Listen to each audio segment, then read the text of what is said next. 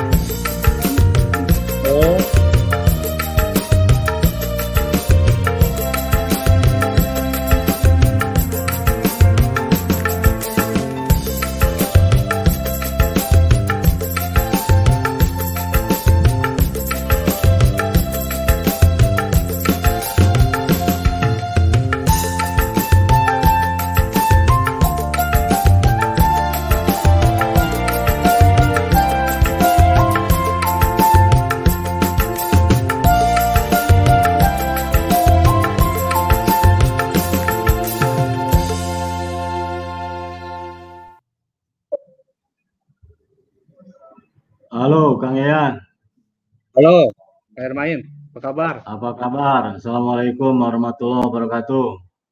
Salam warahmatullahi wabarakatuh. Gimana sehat, kabarnya? Alhamdulillah sehat. Ya, ini masih terasa bulan Syawal nih. Minal aidin wal faizin Kang Yayan. Aidin. Gimana di situ? Cuaca Sini dingin. cerah. Dingin Di dah. Dingin, alhamdulillah. Hmm. Udah, udah mulai. Di sini Oke. lagi ini mendung. Kang Haji, Assalamualaikum Kang Haji. Waalaikumsalam. Gimana kabarnya sehat? Minal aidin wal faizin Kang Haji, masih bulan Syawal soalnya. Minum Gimana harga kentang Kang Haji? stabil di 10 sekarang. 10 11 ribu yang Oh. bagus ya. Ya 9 ribuan. Kentang sekarang lagi bagus kan harganya. Oke, Kang Yayan, mungkin kita eh, acara temu tani ini kita buka ya untuk menghemat waktu. Kang Haji, Eh, Assalamualaikum warahmatullahi wabarakatuh. Halo sahabat Mutiara, selamat siang. Salam sejahtera bagi kita semua. Eh, salam Mutiara. Eh, temu tani online kali ini sangat spesial karena saya akan live bersama skuad Mutiara yang biasanya dengan Kang Garis. Kali ini saya ditemani oleh Kang Yayan yang lagi menyambangi kantor bos benih eh, kentang di Pangalengan yaitu PD Hikmah Farm Kang Yayan nanti sudah siap ini untuk membongkar rahasia sukses dari sang bos benih kentang Kang Haji Bunyan Ismail. Nah ini saya supaya singkat, saya panggil ha- saja dengan Kang Haji ini biar rasanya eh, friendly gitu ya. Oke, Hikmah Farm merupakan perusahaan yang bergerak di bidang produksi bibit kentang dan memiliki program untuk pengembangan produksi bibit kentang yang bersertifikat. Ini penting sekali untuk sahabat mutiara ya, cari bibit yang harus bersertifikat. Usaha tani bibit bersertifikat ini merupakan program unggulan dari Hikmah Farm di masa yang akan mendatang dan sudah dilakukan saat ini. Kentang merupakan tanaman pangan utama keempat setelah gandum, jagung, dan padi. Nah, produksi kentang di Indonesia telah mengalami perkembangan yang pesat dan menjadikan Indonesia sebagai penghasil kentang terbesar di Asia Tenggara khususnya. Ini ada potensi yang harus bisa dikembangkan oleh eh, para petani di Indonesia. Karena itu, saya bilang bahwa temu tani online kali ini sangat spesial dan menarik ini. Sahabat Mutiara juga bisa ikut uh, membongkar rahasianya Kang Haji dengan bertanya di kolom komentar uh, Facebook dan YouTube kami. Nah, agar kami terus termotivasi untuk membuat temu tani online atau video podcast edukasi di channel YouTube NPK Mutiara TV. Saya mohon sahabat Mutiara berkenan membagikan video ini sebanyak-banyaknya di media sosial Anda.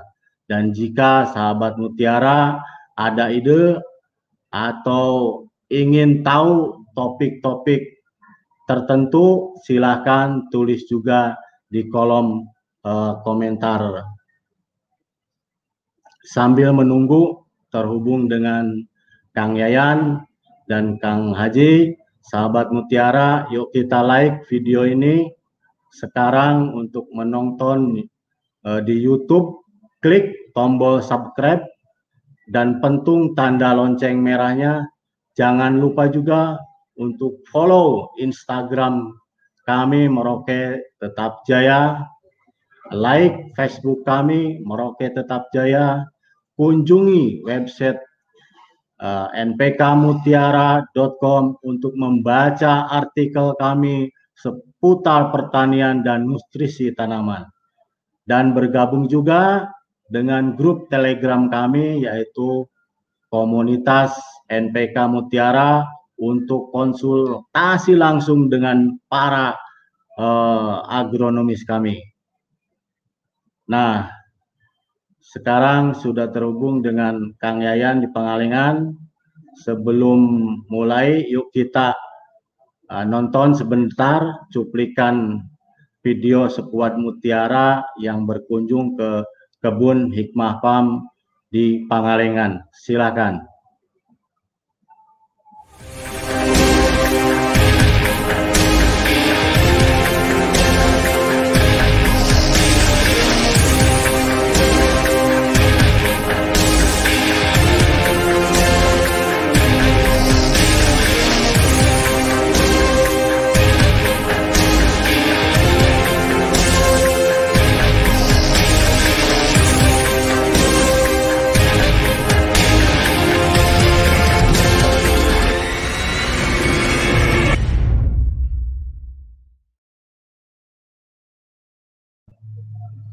Oke. Ya memang sih di mana-mana. Wah, ini luar biasa mulai sekali, turun juga sih. Kang Haji. Mudah-mudahan ada perbaikan ini lah ke depannya. Kami ini, ya, eh, Kang Haji sangat terus mau produktif di bidang pertanian, terutama untuk generasi milenial ini, ya. Jadi penguasaan teknologi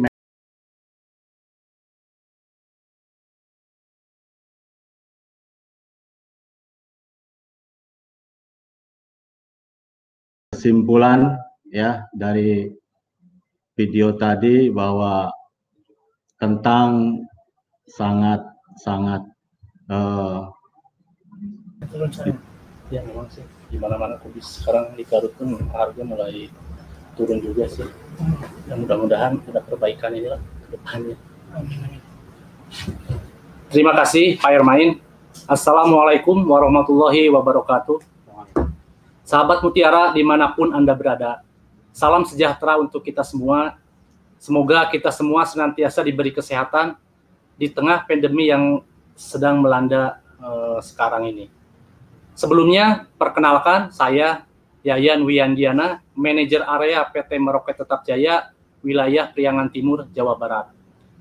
Bersama saya hari ini uh, hadir juga uh, Kang Insinyur Haji Bunyan Ismail MSC. Beliau uh, di PD uh, eh, Hikmah Farm ini sebagai manajer produksi. Halo Kang, selamat uh, siang. Uh, salam Mutiara. Salam Mutiara. Kang. Apa kabar Kang? Alhamdulillah. Sahabat Mutiara di mana pun Anda berada, perlu diketahui Kang Haji Bunyan ini uh, merupakan petani muda yang terbilang sukses, terutama uh, di pembibitan tanaman kentang. Ya, dengan tangan dinginnya terbukti kualitas uh, benih kentang yang dihasilkan di Hikmah PAM ini kualitasnya baik dan bisa diterima oleh petani-petani uh, sekitar sini. Kita cukup berbahagia dan cukup berbangga hati juga bisa uh, berbagi pengalaman dengan beliau. Kita bisa ngobrol-ngobrol, Kang Haji. Saya ucapkan terima kasih atas waktunya. Mungkin nanti uh, Kang Haji berbagi pengalaman lah, terutama untuk uh, sahabat Mutiara yang sekarang lagi menonton juga Kang Haji via YouTube dan Facebook Live. Dan mungkin sekarang juga kita uh, mengambil uh, live ini langsung dari kantor Hikmah Pam ya Kang Haji. Iya. Ya. Nah, sahabat Mutiara uh, di mana pun anda berada, uh, mungkin nanti sahabat Mutiara ada pertanyaan-pertanyaan yang uh, se apa yang menyangkut uh, acara kita di hari ini. Nanti sahabat Mutiara silahkan isi uh, kolom komentar di Facebook uh, Live ataupun di YouTube Nanti kami pada sesi yang kedua akan kami jawab. Tetapi mungkin topik uh, yang akan khusus uh, dijawab yang berhubungan dengan tentang saja mungkin ya Kang Haji. Iya. Ya mungkin itu nanti topiknya topik yang uh, berhubungan dengan pembahasan kita uh, hari ini. Baiklah uh, sahabat Mutiara di mana pun anda berada, tanpa panjang lebar lagi, mungkin kita mulai saja Kang untuk ngobrol-ngobrol uh, masalah-masalah yang berhubungan dengan pertanian lah di sini mungkin Kang Haji ya. Kita mulai saja. Mungkin sahabat Mutiara sudah tidak sabar untuk uh, mendengar pemaparan-pemaparan informasi dari Kang Haji di, di sini selaku pengelola Hikmah PAM. Oke Kang Haji, uh, dari informasi yang saya dapat, latar belakang Kang Haji itu S1-nya dulu di IPB ya. Hmm. Dan uh, S2-nya di Wageningen ya, di Belanda. Iya Nah, yang jadi pertanyaan, apa yang menjadi motivasi Kang Haji terjun ke dunia pertanian ini, Kang Haji? Terus apakah memang karena latar belakang Kang Haji dari keluarga petani, ya keluarga besar di sini rata-rata petani, jadi Kang Haji lebih ke passionnya ke pertanian. Mungkin Kang Haji bisa menjelaskan ke sahabat Mutiara, eh, ceritakanlah eh, motivasi-motivasi Kang Haji terjun ke dunia pertanian ini, Kang Haji. Oke. Okay. Uh, Assalamualaikum warahmatullahi wabarakatuh. Assalamualaikum warahmatullahi Jadi mungkin saya sini jelaskan, saya di sini sudah dari tahun 2002 ya, 2002 pas akhir kuliah bergerak di Hikmah PAM. Jadi kenapa saya memilih menjadi petani? Jadi saya itu dari kedua belah pihak, ibu ataupun bapak, bapak, ibu, kakek, nenek, sepupu, ponakan banyaknya petani. Dan ini di Pangalengan kan lingkungan petani. Jadi mungkin karena sehari-hari di pertanian, di passion saya di pertanian. Jadi ketika itu juga setelah beres SD ke pesantren, ke SMA, terus kuliah, ketika orang bingung dengan PMDK, saya udah memutuskan untuk daftar ke IPB. Jadi waktu orang pusing-pusing si penmaru PMDK ya saya udah keterima karena memang kita lahir dari keluarga petani. Alhamdulillah sekarang almarhum Pak Haji Adung dari anak 13 itu setengahnya bergerak di pertanian sama-sama dalam kelompok tani mitra hikmah. Kang Haji sendiri uh, generasi keberapa nih untuk di Hikmah PAM ini, Kang Haji? Uh, saya sekarang itu generasi kedua dan sekarang di Hikmah PAM kita sudah sampai generasi ketiga, jadi sudah sampai generasi cucu bergerak di pertanian. Oke, Kang Haji ya gini berbicara hikmah PAM ya mungkin orang yang berkecimpung di bidang pertanian terutama kentang lah perkentangan gitu kan mungkin sudah tidak asing lagi pasti orang hikmah PAM gitu kan udah nggak asing pasti tahu dan memang e, mungkin dari dulu e, hikmah PAM itu sudah ada mungkin kan Kang Haji hmm. cuma mungkin Kang Haji bisa diceritakan lah ke kami ke e, sahabat Mutiara perjalanan hikmah PAM dari dulu sampai sampai sekarang seperti sekarang ini Kang Haji. Mungkin Kang Haji bisa berbagi uh, pengalaman uh, apa namanya sejarah lah mungkin sejarah Hikmah PAM. Uh, jadi dulu uh, Hikmah PAM itu mulai berdiri sejak ibu dan ibu dan bapak saya menikah. Jadi Pak Haji muda waktu itu biasa kerja di eh, pertanian sama kakek sama bapaknya. Dan tahun 62 beliau mencoba bertani sendiri. Pak Jadung bertani sendiri, lagi itunya apa lagi masa mudanya mungkin usia belasan tahun. Pertama nanam itu kentang kesmarita, cuma beberapa kilogram, lahannya juga berapa ratus meter gitu ya. Panen eh, langsung hasilnya tuh semua dibenihkan jadi berapa kintal, ditanam lagi. Pas kebetulan panen yang kedua ini eh, bulan Sawal. Jadi lebaran hari kedua, hari ketiga panen ada kunjungan keluarga dari Banjaran dari bawah ya. Keluarga dan saat satunya itu adalah Ibu Haji. Ya, ibu saya. Kebetulan waktu itu Pak Haji eh, udah mungkin sampel tanamannya bagus. Ya. Jadi pas panen itu keluarga diajak panen ke kebun Ya. diajak lihat kebun pas panen gitu. Nah ternyata panennya bagus. Jadi mungkin Pak Haji eh, berupaya eh, untuk mengesankan keluarganya dari Banjaran. Dan Pak Haji juga sebetulnya ada eh, rasa gitu ya Ya. sama Bu Haji. Jadi Ya, ya, ya. kebetulan pas waktu itu panennya bagus, Pak Haji kalau orang bilang sekarang mah menyatakan gitu ya, Ah, menyatakan ke Bu Haji eh, niatnya pengen punya istri gitu. Alhamdulillah Bu Haji menerima. mhm. Jadi nggak lama dari situ dari panen kentang itu Pak Haji dan Bu Haji menikah tahun 63-an. Ya. Dan dari itu be- be- beliau almarhum dan Ibu Haji eh, mulai bersama-sama eh, ngembangin hikmah PAM dari nol. Dari bukan warisan ya. Ya. Jadi berusaha bangkit dari kekuatan sendiri eh, sampai sekarang mungkin udah tahun ke-60 udah punya anak eh, 14 yang ada 13 orang dan setengahnya ber- bergerak di pertanian. Oke. Lumayan cukup lama ya Kang Haji.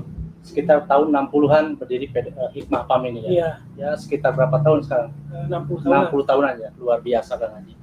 Nah, Hikmah PAM, Hikmah PAM itu identik dengan kentang sebenarnya, Hmm. sebetulnya ya, benih kentang. Cuman sebenarnya di sini selain kentang, tanaman yang ditanam di sini apa saja Kang Haji? Ya, Eh. sebagai rotasi untuk kentangnya gitu. Jadi kita selain kentang, dulu kan eh, kita tuh kentang itu fokus untuk pembenihan. Dari tahun 90-an kita satu-satunya perusahaan swasta yang membuat G0 sebelum ada BBI Kentang Pangalengan. Jadi kita karena dari awal paling duluan bikin G0, kita bikin benih kentang. Ke sini ada bantuan dari JIKA kan dari Dinas Pertanian bikin BBI Kentang Pangalengan. Kita bersama-sama BBI Kentang Pangalengan serta BBU Kentang waktu itu kita mengembangkan benih kentang karena benih kentang itu cuma bisa ditanam maksimal setahun sekali. Jadi ada rotasi ya. rotasi ya. Rotasinya itu tanaman selai selain kentang, kita nanam wortel, kubis dan jagung manis. Jadi nanti eh, bisa diselang-seling gitu, tanamannya ganti-ganti. Terus kita juga nanam tanaman keras seperti kopi dan teh dengan naungan pohon eukaliptus. Eukaliptus. Jadi Ya, kita ya, ya. tanami ta- pohon-pohon keras itu, tanaman keras itu di lahan-lahan miring, sekitar mata air serta pinggiran-pinggiran sungai serta di pinggiran-pinggiran blok kebun. Ini tehnya kita jual sepucuk. Kalau kopinya kita melalui salah satu perusahaan eh, apa? eh, CP Prinsa Grostari kita juga ekspor kopinya nih seperti kopi yang di depan ini Ya, ya. diekspor ke seluruh dunia Luar biasa. dalam Kang Haji. bentuk green bean. Luar biasa. Terus untuk luasan sendiri eh, yang dikelola gitu Kang Haji, Hmm. ya, luasan area lah di Hikmah PAM ini sebenarnya berapa ratus hektar sih Kang Haji sebenarnya? Iya. Dari mulai ya mungkin kentangnya berapa, terus tanaman-tanaman rotasi lainnya berapa gitu. Jadi eh, kita Hikmah Farm itu kan kelompok tani eh, keluarga besar Hikmah Farm, keluarga besar Pak Haji Adung, Pak Haji Sapeni almarhum. Hmm. Kita kakak adik sepupu ponakan paman ngelola kebun bersama-sama dengan luas totalnya itu mungkin dalam kelompok tani itu ada sekitar 125 hektar untuk tanaman sayuran dan sekitar 70 hektaran lebih tanaman keras. Tadi yang saya bilang Ya, teh ya, dan ya. kopi itu. Oke. Adapun itunya tanamannya mungkin 125 hektar itu eh, tan- luas tanahnya Hmm. dan setahun bisa ketanam sekitar dua setengah kali jadi dua musim pertama musim ke satu musim kedua pas hujan sama setengah musim pas kemarau jadi setengahnya yang ketanami pas kemarau karena lahan irigasi Hmm, terbatas iya, dengan iya, air. iya. Oke, lumayan luas ya Kang Haji, Hmm. Sekitar 200 hektaran lebih lah mungkin ya. Iya. 200 hektar lebih. Yes, eh, lumayan luas dan selanjutnya Kang Haji, gini, mungkin kalau kita membangun suatu perusahaan ya, eh, contoh ini hikmah pam aja ini, hikmah pam itu mungkin dari awal sampai bisa sebesar sekarang ini mungkin ada tantangan-tantangan yang pernah dihadapi Kang Haji selama mengelola uh, perusahaan ini Kang Haji. Bisa di ya bagi kami lah uh, pengalaman-pengalaman atau tantangan uh, yang terjadi selama mengelola hikmah PAM ini apa saja Kang Haji? Oke. Jadi mungkin pas di awal per, pembentukan perusahaan zaman itu ya Bapak saya sama Ibu Haji tantangan pertamanya biasa klasik. Jadi model bisnis pas pertama mulai itu terkendala dengan permodalan. Terus sama pengetahuan. Kan waktu itu mungkin keinginan besar belum seperti sekarang kan mau nanya nanya ke siapa gitu. Yeah. sama modal minjem minjem ke siapa? Uh, alhamdulillah ternyata di awal berdiri perusahaan itu ada bantuan dari perbankan dari BRI waktu itu melalui KIK dan KNKP jadi pinjaman kepada petani nanti di, dikembalikan setelah musim tanam gitu hmm. dengan bantuan permodalan tersebut usaha menjadi lebih pesat. Dan kita ada keterbatasan dengan pengetahuan. Alhamdulillah waktu itu kita banyak mendapatkan bantuan dari dosen, dari perguruan tinggi, terus dari dinas pertanian, terus dari PPA setempat, sama dari rekan-rekan formulator pestisida sama pupuk.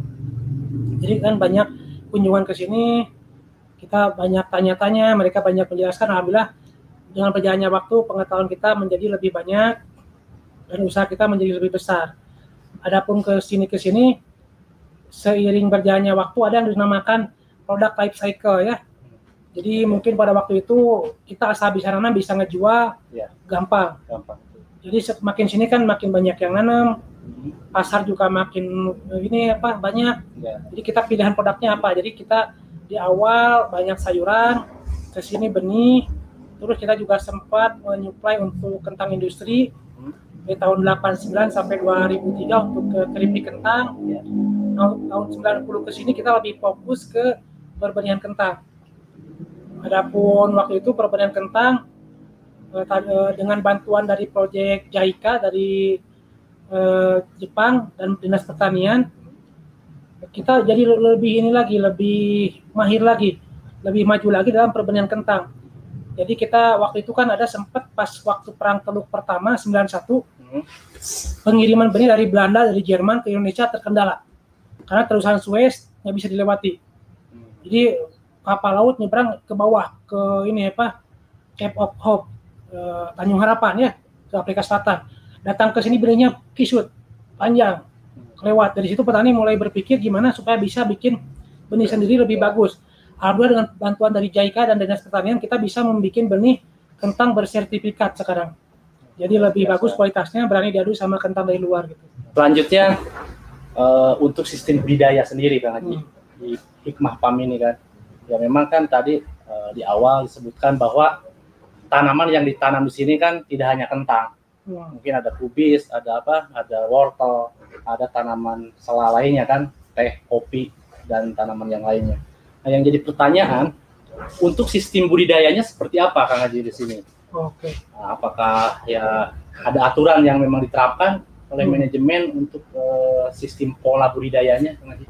Uh, jadi kita kan uh, biasa berkala ada rapat uh, kelompok tani. Jadi para petaninya kumpul di sini sama hmm. para mandornya. Nanti sebelum musim tanam itu diputuskan, hmm. dimusyawarahkan siapa yang mau nanam apa dulu, seberapa luas, di mana. Jadi sebisa mungkin nanti pasokan ke pasar itu baik sayuran, benih kentang ataupun kentang sayur untuk ke supermarketnya hmm. bisa uh, terus bersinambungan. Oke. Okay. Nanti setelah rapat diputuskan misalkan petani uh, A tanam kentang berapa hektar di mana, lanjut petani B, petani C, terus uh, tanaman rotasinya. Mau tanam apa? Ya. Tanam wortel, kubis, jagung manis, atau mau diberakan, atau mau di uh, olah tanah dengan tanaman yang lainnya nanti setelah diputuskan diaplikasikan di lapangan nanti e, misalkan ada yang nanam kentang dulu, ada yang nanam kubis dulu, ada yang wortel dulu. Hmm. Nanti diusahakan suplai benih, suplai sayur segar, sama suplai kentang ke supermarket bisa terus berkesinambungan. Oke. Ya, artinya memang ada pola yang diterapkan di sini biar Hmm, eh, hasilnya bisa terus eh, tercukupi untuk pasar itu ya Kang Haji. iya iya Oke. Selanjutnya Kang Haji, eh, tadi kan berbicara eh, hikmah PAM itu kan sebagai produsen benih mungkin ya, Hmm. yang produsen benih. Nah kalau boleh saya tahu, untuk eh, produksi rata-rata benih di sini per satu hektar itu berapa ton sebenarnya Kang Haji? Oke. Jadi eh, kita kan sekarang mengolah lahan yang sudah ditanami kentang mungkin ada yang dari tahun 60, tahun 70, 80. Jadi ada lahan yang sudah ditanami kentang 60 tahun. Kebayangkan seperti apa? Setiap tahun ditanami kentang, akhirnya nyampe pada titik terendah. Hasilnya cuma 16, 15 ton, 20, 25. Nah, kita akhirnya saya dengan eh, rekan-rekan yang lain, dengan kakak saya Pak Wildan, dengan adik saya Pak Rifki, Pak Hilman, paman saya misalkan Pak Ep, Pak Haji Hoer, berunding. Ini apa? Apa yang salah gitu? Iya. Bagaimana dulu ba- bapak saya atau petani-petani senior mempersiapkan kentangnya supaya bagus dan kita belajar lagi bareng apa yang bisa dilakukan gitu. Hmm. Ternyata kita balik lagi ke pola zaman dulu Oh. Misalkan pupuk kandang dimatangkan, aplikasi dolomit, Iya, iya, iya. pemupukan yang berimbang, penyemprotan yang bagus, karena ternyata setelah dicek, lahan kita sudah banyak penyakit, kan ya? Ya. Karena pH turun, Betul. pH turun sampai empat setengah lima, Hmm. jadi banyak layu, layu bakteri, layu jamur, terus pas dicek tanah udah tidak berimbang kesuburannya tuh, jadi kita diperbaiki dengan pemupukan, diperbaiki dengan aplikasi dolomit, kapur pertanian ya, Iya. terus pupuk kandang dimatangkan dibikin kompos. Alhamdulillah sekarang berangsur-angsur naik. Jadi dalam lima tahun terakhir dari 1525 naik ke 2030 2535 sekarang sampai rekor lagi di lahan yang sudah 60 tahun tersebut ada yang nyampe 46 ton per hektar. Tanaman musim kemarau. Luar biasa. jadi kalau kita ngomong hasil biasanya tidak sama Hmm. karena di Indonesia tuh kentang bisa ditanam sepanjang tahun Iya. jadi bisa secara garis besar tiga musim tanam. Hmm. Pertama hujan, musim kedua sama musim irigasi. Iya. Nah biasanya mus- eh, musimnya tuh hasilnya beda-beda. Musim hujan mungkin kisaran hasilnya itu sekitar 20-30 ton. Iya. Yang normal itu. Terus musim kedua 25-35. Nah musim ketiga eh, 30 sampai di atas 40 alhamdulillah. luar biasa. Jadi memang dengan di apa pola manajemen yang baik itu hasil uh, produksi bisa meningkat Kang Haji. ya? Iya. Ya, terus selanjutnya uh, untuk pemasaran gimana Kang Haji? Kang Haji apa punya uh, apa namanya uh, petani plasma ataupun jaringan-jaringan di, di luar untuk Oh. menyalurkan bibit kentang itu sendiri Kang Haji? Jadi untuk pemasaran kita alhamdulillah kan pelanggan kita dari tahun 90-an udah banyak. Hmm. Jadi sekarang juga dengan era digi- digital sekarang banyak pelanggan-pelanggan lama yang nyambung kembali. Oh. Jadi pelanggan bapak saya, pelanggan kakak saya, paman saya gitu yang dulu udah hilang kontak Ya. dengan aplikasi medsos sekarang nyambung order lagi. Ya. Alhamdulillah nyambung. Terus kita juga banyak eh, ini apa? Banyak mahasiswa-mahasiswa magang ke sini. Pas mereka pulang kampung jadi agen kita, jadi Oh. eh, apa jadi bekerja sama dengan kita untuk menyalurkan benih kita di daerah-daerah seperti di daerah eh, Jawa Timur, misalkan di Sulawesi, Hmm. di Sumatera Utara, kita bekerja sama dengan mahasiswa-mahasiswa yang pernah magang di sini untuk menyalurkan benih kita di sana. luar biasa. Jadi memang Kang Haji ini jaringannya luas sekali ya, eh, sahabat Mutiara. Beliau juga aktif di medsos ya Kang Haji ya, Hmm. ada di grup tentang segala macam. Jadi memang eh, luar biasa ini Kang Haji. Selanjutnya Kang Haji, kita balik ke budidaya. Hmm. Jadi kalau tadi kan kalau melihat hasil hasil produksi eh, dari tanaman kentang di sini, memang di atas rata-rata dari ya, petani-petani konvensional lain lah Kang Haji bisa sampai 35 sampai 40 ton. Ya mungkin di sini sahabat Mutiara eh, dikasih sedikit tips lah mungkin Kang Haji. Oke. Eh, mungkin nutrisi yang dipakainya seperti apa. Terus eh, pola apa eh, pengendalian OPT dan lain-lainnya eh, budidayanya seperti apa. Terus nanti nutrisi yang dipakainya itu perbandingannya seberapa sih modal yang dikeluarkan untuk eh, budidaya kentang ini Kang Haji. Mungkin Oke. Kang Haji bisa memberikan ya sedikit apa ya sebutnya ya sedikit eh, tips lah buat sahabat mutiara yang kebetulan sekarang lagi nonton ini Kang Haji. Oke. Jadi sebelum ke sana mungkin saya akan jelaskan perbedaan kita dengan di luar negeri. Eh, di luar negeri tanam kentang itu rata-rata sama. Ditanam musim semi, dipanen musim gugur. Di kita bisa tanam kentang sepanjang tahun dan tantangannya pun beda. Jadi kalau saya ibaratkan itu seperti eh, kita menggoreng kerupuk atau membuat seblak. Hmm. Kalau orang Sunda tahu yang seblak. Jadi untuk menggoreng kerupuk itu supaya hasilnya bagus, kerupuknya mekar, kita butuh bahan baku yang bagus. Kita kalau kita eh, analogikan dengan budidaya kentang itu bahan baku yang bagus itu bahan baku kerupuk itu benih yang bagus. Hmm. Benih berkualitas, bersertifikat atau dari penangkar yang kita ketahui. Yang kedua kita butuh matahari. Hmm. Matahari itu dalam hal ini misalkan kita butuh api yang besar untuk goreng kerupuk yang mekar itu kan. Ya. Terus kita butuh minyak Ya. yang banyak. Betul. Air dalam hal kentang. Terus kita butuh wajan. Hmm. Wajan itu tanaman yang tubuhnya cukup besar, kokoh, vigor. Nah, gimana misalkan kita supaya kerupuknya mekar? Kerupuknya bagus, wajannya gede, minyaknya cukup, apinya besar. Oke. Jadi kita kalau kita bandingkan ke kentang, supaya kentang bagus itu seperti apa? Benih bagus, Hmm. terus pe- pencahayaan matahari cukup, cukup air, cukup nutrisi. Banyak kerupuknya ya. Iya. Nah, kalau musim pertama itu masalahnya itu kita ada keterbatasan di sinar matahari. Jadi apinya kecil. Dipaksain gimana pun nanti nggak bisa mekar. Apalagi misalkan kita kasih kerupuk banyak, airnya udah berlebih minyaknya banyak, kerupuknya banyak digoreng, bantat. Jadi seblak. Iya. Terus kalau misalkan musim kedua kita itu hampir ini eh, air sudah mulai berkurang tidak berlebih biasanya kan hujan udah mulai kurang matahari sudah cukup itu bagus-bagusnya kita nyemprot nanti kalau bagus nyemprot umurnya panjang produksinya lebih bagus nah musim ketiga kita misalkan itu yang terbatas itu air. Minyaknya kan kalau bikin kerupuk. Jadi banyakin air sama nutrisi. Jadi kerupuknya bisa dika- dikasih banyak kan biar mekar gitu. Iya. jadi eh, apinya udah banyak dari pencahayaannya pol makanya hasil panen pun berbeda antara musim pertama kedua dan musim ketiga. Dan pemuka, pemupukannya akan berbeda pula. Hmm. jadi jangan dipaksakan musim pertama dan pemupukan banyak nanti Oke. malah mengundang masalah Iya, iya, iya. kayak kita makan banyak kalau olahraga diabetes kan Iya. asam urat tanaman juga sama Banyak masalah ya. Hmm, kurang matahari terus terlalu banyak air dikasih banyak nutrisi nanti yang kejadian tuh nanti buruk busuk batang banyak layu hama pitoptora jadi pada musim pertama kurangi asupan nitrogen Iya. perbanyak fosfat Fosfat. sama kalium sama boron kalau ada ya dari mikro musim kedua bisa berimbang naik nitrogen sedikit. Musim kemarau itu nitrogennya diperbanyak. Karena susah mekar. Susah mekar ini tanamannya karena kekurangan ini apa air dan nitrogen cukup bisa lebih mekar. Terus komposisi eh, pupuknya. Biasa kita pakai misalkan NPK 1616 di dasar itu sekitar 6 sampai 8 kintal.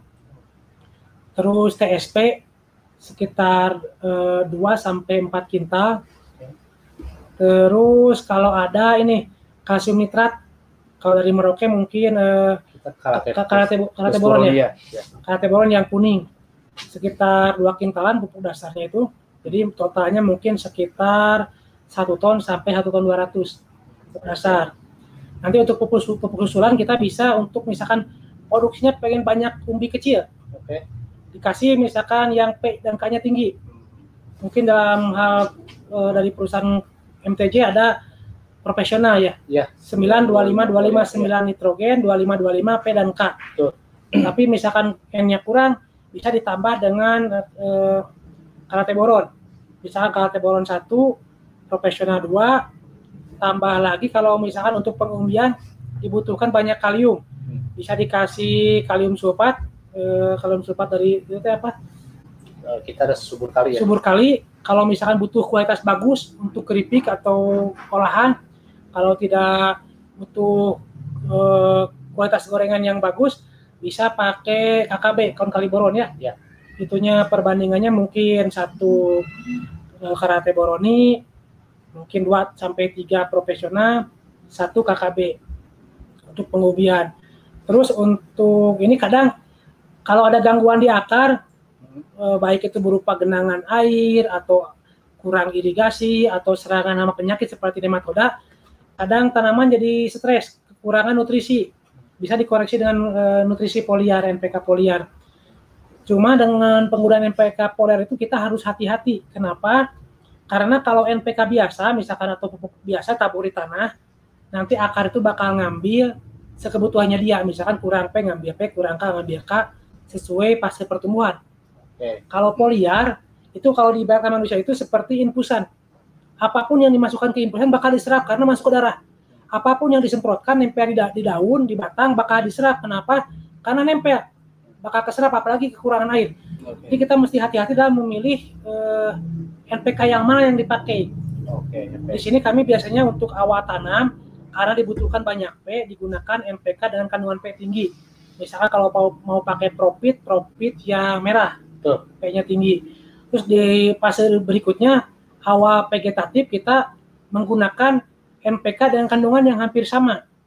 Bisa kita oplos misalkan profit maxi sama profit hijau Dicampur ya. Dicampurin. Ya, Oke. Eh, satu banding satu atau maxi dua hijau satu. Satu. Eh, terus eh, fase berikutnya fase pengumbian kema- kemudian bakal dibutuhkan lagi P yang tinggi. Ya. Balik lagi ke profit yang merah. Berikutnya pengisian P dan K. Bisa pakai profit maxi. Terus eh, bisa berikutnya pakai profit orange yang K-nya tinggi. Di akhir balik lagi ke profit maxi. Biar umingnya keras tapi tetap ngisi. Terus selama pengisian itu dibutuhkan juga eh, magnesium. Kenapa?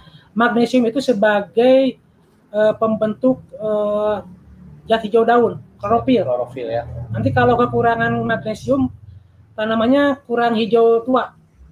Nah ini dibutuhkan apalagi Kak, pada musim kemarau. Eh, Apa bukan kemarau, musim hujan. Musim hujan kan pengaw- eh, penyiraman kurang. Betul. Jadi kalau hijaunya lebih tua, lebih nyerap sinar matahari, lebih Ya. efisien. Setuju. Terus ini eh, kalsium, kalsium dibutuhkan untuk mengokohkan eh, se- dinding sel. Ya. Di tanamannya bu- nggak mudah rebah, nggak mudah kena busuk batang. Adapun sulfur nanti dibutuhkan untuk eh, kepekatan rasa. Hmm. Nah kalau di bawang kerasa banget. Ya. Tanaman bawang misalkan yang butuh menyengat, Menyengat ya. sulfur itu dibutuhkan. Betul, Haji. Ya. Mungkin kalau pupuk dari kami yang subur itu kan yang subur kali itu ya. Iya. Subur kali. Oke. Nah itu sahabat mutiara memang eh, Kang Haji Bunyan ini untuk pola pemupukannya, nutrisi yang dipakainya sangat lengkap sekali. Ya mulai dari untuk pondasi di bawah, terus untuk eh, foliarnya itu sangat lengkap sekali. Nah mungkin eh, Kang Haji ini se PD hikmah ini ya hikmah PAM ini kan dengan Maroke Tetap Jaya itu sudah lama ya kita Hmm. bermitra sudah lama Eh, jadi produk-produk kami pun eh, mungkin sebagian ada yang dipakai untuk eh, di tanaman kentang Kang Haji di sini. Nah, mungkin ada apa eh, testimoni lah, testimoni eh, bermitra dengan kami. Terus sejak kapan sih sebenarnya Hikmah PAM ini bermitra dengan PT Tetap Jaya? Oke. Jadi alhamdulillah kita sama MTJ itu bermitra sudah mungkin dari tahun 90-an. Jadi pada waktu itu Pak, Pak Haji Wildan kakak saya yang megang Hikmah, kita udah bermitra sama PT Merauke tahun 90 sampai ke sini dari awalnya itu kita banyak pakai eh, ini nutrisi buat abemik buat produksi ke, ke- di greenhouse buat produksi benih kentang G0. Jadi kita pakai kalsium nitrat, multi KP, eh, KNO3 sama magnesium sulfat terus E FEDTA, FEDHA ya. Hmm. Ke sini kita pakai juga NPK Mutiara, Hmm. eh, profesional, misalkan terus KT boron, kali boron. Jadi alhamdulillah nih PT MTJ produknya lumayan komplit dan cepat eh, responnya cepat kita, kirim eh, bisa cepat dikirim setelah kita pesan jadi nggak lama nunggu. Ha- ha- hampir selalu barangnya ready. Oke, terima kasih Kang Haji. Mungkin ini eh, ini mungkin terakhir ya Kang Haji, Hmm. Terakhir mungkin ini minta inilah, minta saran dan mungkin motivasi lah untuk petani-petani sekarang Hmm. kan kadang orang itu peta- eh, petani itu nggak mau jadi petani Kang Haji, Hmm. kadang mencari yang lain gitu kan, padahal kita kan nenek moyang kita petani gitu ya. yang mungkin ada saran atau motivasi-motivasi lah untuk para sahabat Mutiara eh, yang masih muda-muda yang lagi sekarang mungkin semangat untuk bertani mungkin Kang Haji ngasih tips eh, motivasi untuk eh, beliau-beliau Kang Haji Oke. ini. Oh, jadi ini saya ada beberapa saran kepada para petani muda, para petani milenial ya. Hari gini kita udah nggak zaman kita nyari kerja. Kita bi- mesti bisa menciptakan pekerjaan bagi rekan-rekan kita yang kurang ini eh, kekhususan mencari kerja ya di daerah apalagi. Jadi hari gini tuh kita udah nggak ada acara ngomong bilang nggak bisa, nggak bisa, nggak tahu karena hari gini tuh kita udah dipermudah dengan teknologi Eh, teknologi informasi teknologi medsos Ya.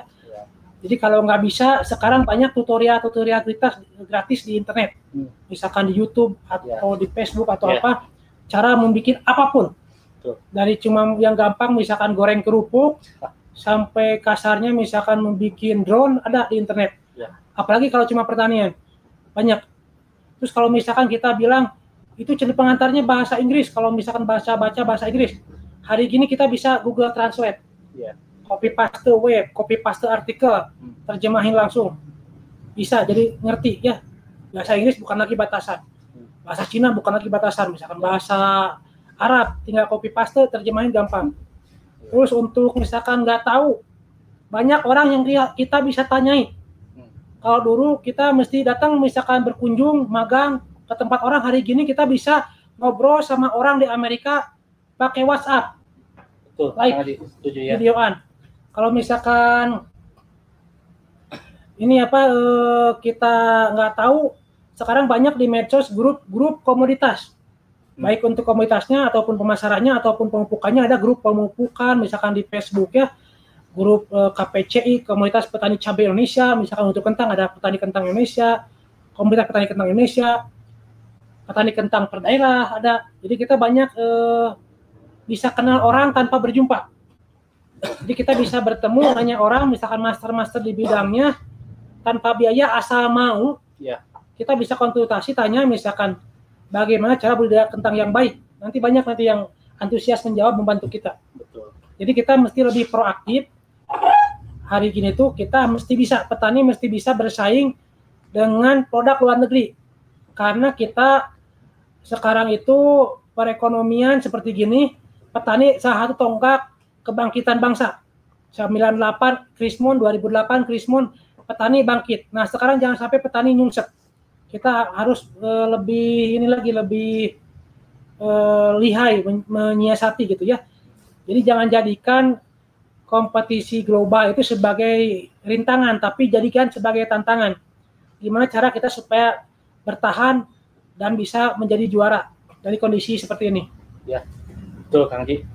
Jadi intinya memang petani muda itu yang penting ada kemauan ya, Iya. ada kemauan dan memang eh, intinya jangan malas lah mungkin ya Kang Haji. Harus tetap semangat. Oke, Kang Haji, terima kasih terima kasih. Ini pemaparan yang luar biasa, sangat lengkap, jelas dan lugas. Yang mungkin sahabat Mutiara di mana pun anda berada, eh, mudah-mudahan apa yang disampaikan Kang Haji Bunyan ini menjadi eh, satu apa inspirasi lah buat petani-petani muda supaya ada kemauan untuk berubah. Mungkin seperti itu ya Kang Haji. Eh, selanjutnya mungkin eh, nanti kita ke sesi kedua Kang Haji. Kebetulan ada eh, ada beberapa pertanyaan dari Facebook kan, Facebook Live ataupun dari YouTube yang mungkin nanti kita di sesi kedua itu nanti kita eh, jawab mungkin ya, jawab bareng-bareng. Eh, mungkin eh, selanjutnya kembali ke Pak Ermain ya yang moderator eh, untuk eh, acara kita kali ini. Kami mungkin akan segera kembali. Oke.